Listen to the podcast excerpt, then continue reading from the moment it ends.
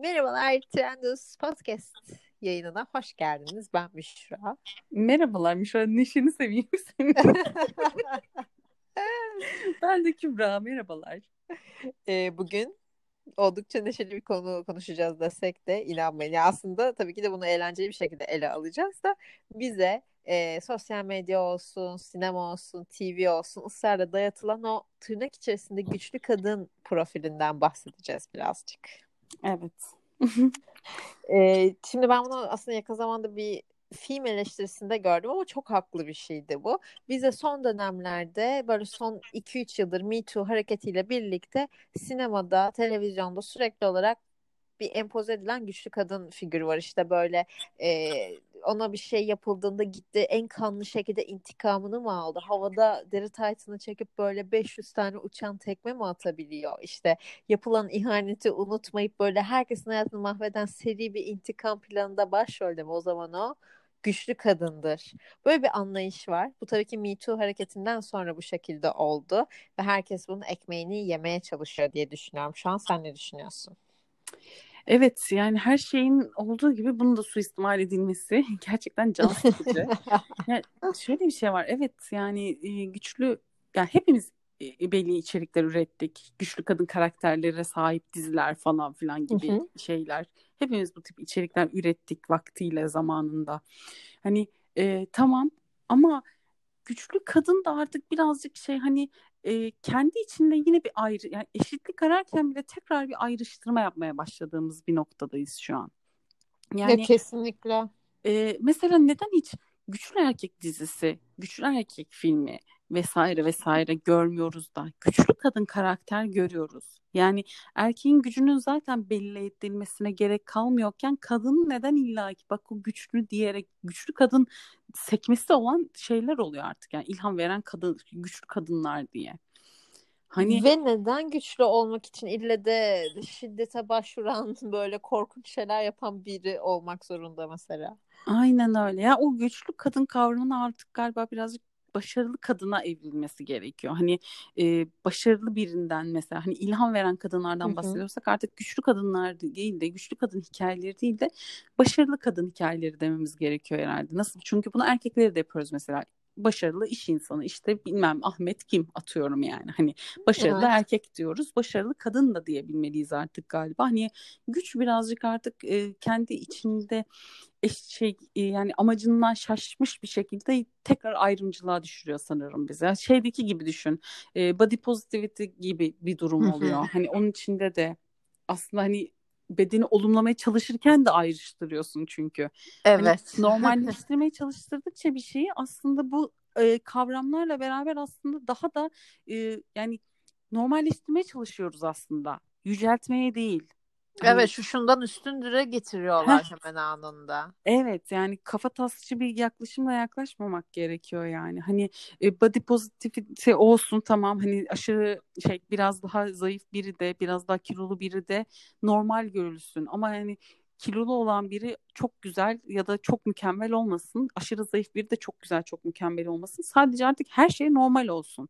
Mesela evet. kadın erkek de böyle olsun. Kadın da erkek de normal olsun. Eşit şartlarda kazansın, eşit şartlarda yaşasın. Eşit şartlarda bütün hakları, insani haklara sahip olsunlar.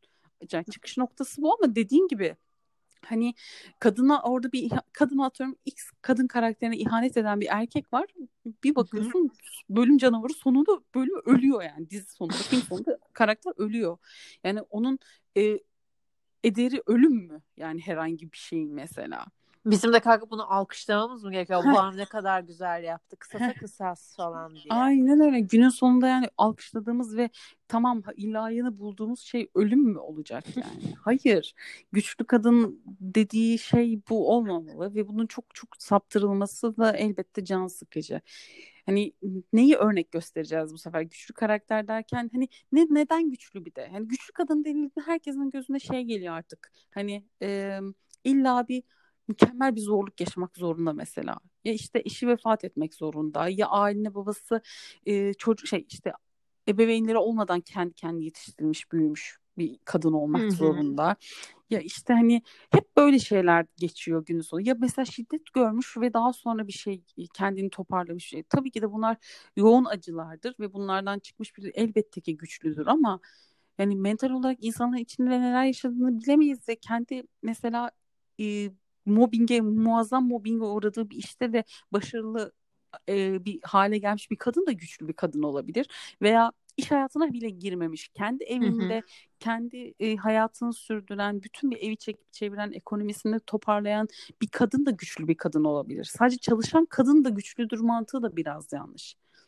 Ya kesinlikle yani güçlü kadın profiline girmek için illa gerçekten başına bir felaket gelmiş olması oradan da böyle inanılmaz dimdik şekilde çıkmış mı olman lazım? Yani geri kalan herkes normal basic kadın mı oluyor bu noktada? Ya gerçekten her harekette olduğu gibi e, belli bir süre sonra e, gerçekten işin e, tadını kaçırıyorlar ve tamamen iş böyle para kazanmaya dönüşüyor. Yani neyden hangi konseptten para kazanıyorlarsa ondan devam ediyorlar bir süre sonra. Dediğin gibi yani X, Y'den üstündür tavrı kesinlikle çok yanlış ve çok saçma bir örnek yani. Yani şimdi mesela romantik komedilerde izlediğimiz herhangi bir basic kız, duygusal kız bunu bunları da biz güçlü karakter olarak göremez miyiz? Mesela duygularını gösteren birisi veya aşkın peşinden koşan birisi de güçlü kadın olamaz mı? İlle de böyle cebinde silah mı olması gerekiyor o kadının? Aynen işte hani illaki bir materyal olacak yani dediğin gibi hani gücün simgesi olan bir materyal illaki kullanılıyor. Ya da böyle erkeklere atfedilen genellikle onlarda gördüğümüz özelliklerin, aksesuarların vesaire kullanılması eşittir wow. Ya olduğu gibi de güçlü olamaz mı bu insan?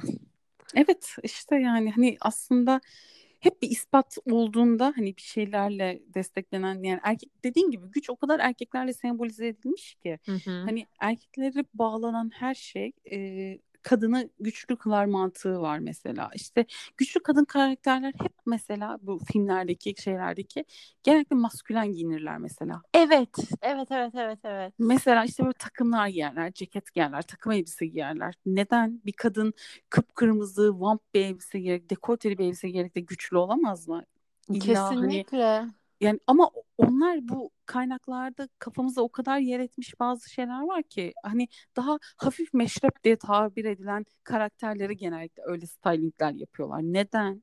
Evet gerçekten neden yani? Yani bir kadın gayet maskülen giyim kodlarıyla gör, görünüp mesela hafif meşrefte olamaz mı? Yani bu da ille güçlü olması gerektiği şeyine mi geliyor? Gerçekten çok can sıkıcı.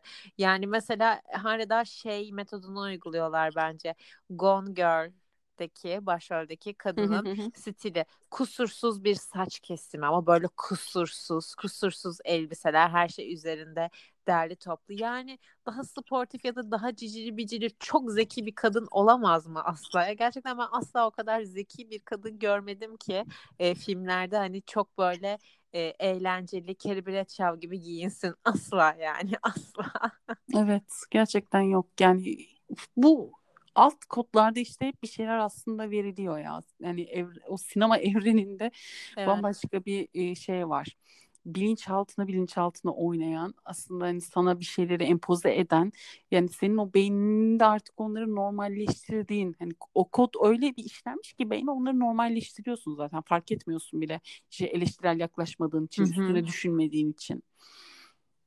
Bir de şey e, ya da böyle işte e, mutlaka ki o güçlü kadın hikayelerini çekerken bile mesela erkek oyuncuyu bile büyük bir isim olarak seçmeye çalışıyor stüdyolar. Yani orada bile aslında zaten çuvallıyorlar. Hani sanki bir kadın tek başına o filmi e, götüremezmiş gibi. Bir de mesela oyuncuların da ben genel olarak tavrından rahatsız oluyorum. Mesela Margot Robbie kariyerine ilk başta şeyle başlamıştı. Wolf of Wall Street'le ve orada genel olarak sinemada böyle hafif meşrep tabirle tanımlanabilecek bir karakter canlandırıyordu. Sonrasında kendi yapım şirketini kurdu. İşte filmlerde oynamaya başladı. Mesela şey diyor. Kendi filmlerimde güçlü kadın karakterleri canlandırabildiğim için memnunum en sonunda. Yani olayı tamamen bunu çeviriyorlar. Birincisi senin bu işin ve her karakteri oynaman gerekiyor. İkincisi aşırı derecede süslü işte cinselliğini istediği gibi yaşayan, hayatını istediği gibi yaşayan bir kadın. Neden güçsüz, neden oynamak istemeyeceğin bir karakter olsun ki? İlle gidip e, Harley Quinn'i mi canlandırman lazım DC Comics'e ya da ille sporda başarı elde etmiş bir buz patencisini mi canlandırman lazım tatmin olman için. Yani bana çok saçma geliyor bunlar. E, hani sektördeki en tepedeki insanlardan tut oyuncusuna kadar insanlar bunu yapıyor şu anda. Bu da beni rahatsız ediyor. Evet işte ama bu aslında belki de sinemadan baktığımızda geçmişten gelen kodlanmışlıklardır. Hani çünkü Margot Robbie nasıl sarışın, mavi gözlü, hani e, sarışın o blonde itemine uyan bir kadın mesela. Hani işte Mary Morrow gibi düşün. Ama hani mesela Mary Morrow nasıl karakterlerde rol aldı? İşte o e, tırnak içinde aptal sarışın denen bir şey vardı ya e, kavram öyle bir kavram vardı eskiden. yani bizde de mesela Türkiye'de de şey e, hangi dizide hatırlamıyorum ama Yeliz Yeşilmen öyleydi mesela öyle görülüyordu. Mehmet Ali Erbil'le bir dizisi vardı. Evet hatırlıyorum, hatırlıyorum. Maymunlu tabii, bir şeydeydi. Tabii tabii. Ha, Charlie aynen. Ee, ondan sonra e, Yeliz Yeşilmen, Aysun Kayacı bu isimler hep öyle görülen insanlardı. Neden evet. ki? Yani, yani bir insanın saçının rengi o insanın zekasını belli edebilir mi? Böyle bir ahmakça yaklaşım kesinlikle olabilir? Kesinlikle yani kesinlikle. Yani bunu tabii ki de haklı olarak belki de bu genel kimlik şeyine karşı çıkıyorlardır ama en azından şimdi artık saç rengi açısından global manada o şekilde bir ayrım olmadığını düşünüyorum. İnanmak istiyorum ya en azından. Ama günün sonunda yine de beni rahatsız ediyor yani. Peki senin böyle son dönemde izledim, şu diziyi izledim ya da şu filmi izledim ve kadın karakteri bence güçlüydü dediğim bir şey oldu mu? Son dönemde böyle bir yıl falan olmak zorunda değil mesela. Mesela benim için Fleabag bunun çok güzel bir örneğiydi. Yani güçlü yanlarını da gördük, zayıf evet. yanlarını da gördük. On onluk yani görmek evet. istediğimiz bir şeydi. O gerçekten öyleydi. Yani şey hani ya en nihayetinde insanız ve hepimizin güçlü olduğu anlar da var ama bir şekilde kendi kendimize bunları işte baş edebiliyoruz. Hani güçlü Hı-hı. olmak en nihayetinde bu değil mi aslında yani? Hani iyinle kötünle kendini bir şekilde bir şeyleri mesela bir karakter daha vardı. Hangisiydi? Bir dizi daha vardı. Şey de öyle değil mi aslında? Ahit Suzi. Hmm, evet evet evet evet. Zaten ben onları yakın buluyorum biraz. Evet biraz o tarzları da benziyor. Hani o mantıkta sen de Fleabag deyince aklıma geldi çünkü. Demek ki ben de benzetmişim. Ee, o yüzden evet yani bu sadece herhangi bir yani müthiş zorluklar yaşamalarına gerçekten gerek yok yani. Gündelik hepimizin hayatında yaşayabileceği ilişki sorunları, aile sorunları, insanlarla ilişkiler vesaire. Bunlar da çok büyük şeyler. Bunlarla baş etmesi büyük şeyler ve günün sonunda yani bunlarla başa çekip çıkabiliyorsan zaten güçlüsündür benim gözümde açıkçası. ya bir de güçlü olmak zorunda da değil kimse. Tabii işte. ki yani. bir de o, bir de o var. Hani güçlü kadın karakter yani sadece kadın e, sürekli olarak şiddet görmesin Türkiye evet. ekranlarında olduğu gibi, ülke ekranlarında olduğu gibi. Kadın sürekli hep aldatılan kişi, hep şiddet gören kişi yani bunları kodlayıp daha sonra saçma sapan gerçek hayatta e, işte bilmem ne dizisi gibi yaşayan insanları görüyoruz çünkü. e, yani böyle şeyler olması yeterli bence zaten. Yani güç aramıyor kimse ya. Elbette ki hayattaki hikayeleri yansıtsınlar. E, güçlü kadın da var güçlü erkek de var güçsüzleri de var. Yani güç kime göre neye göre? Aslında güç kavramı bile yani gerçekten güzellik gibi bir şey. Neye göre güçlüsün yani? Benim için şu an e, psikolojisini koruyabilen e, işte evet. mutlu olabilen bir insan bile şu an benim için çok güçlü bir insan. Çünkü şu pandemi döneminde yaşadığımız süreç için diyorum. Yani yeterince kimseye evde terör estirmeyen herhangi bir insan benim için zaten çok güçlüdür şu an.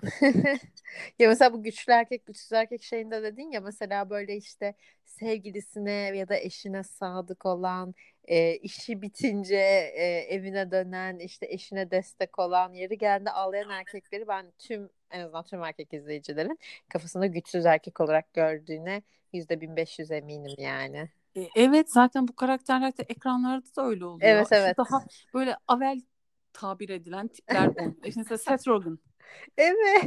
İşte hani böyle daha şapşal bir suratı olan yani şapşal yani yakışıklı veya karizmatik değil de şapşal olarak bellenen insanlar genelde böyle karakterleri oynuyorlar mesela. Evet. Hani karizması olmayan insanlar daha böyle ya diyorum ya aslında bu çok aşırı kodlanmış şeyler var ya. Şu an aşırı şey merak ettim. Bunlarla ilgili bir şeyler okumak istiyorum. Biraz kaynak araştırayım.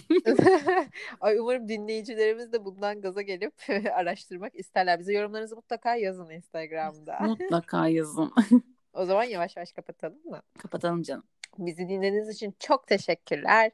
Trendus, Spotify veya Apple Podcast hesaplarını takibe almayı unutmayın. Sizi seviyoruz. Hoşçakalın. Hoşçakalın.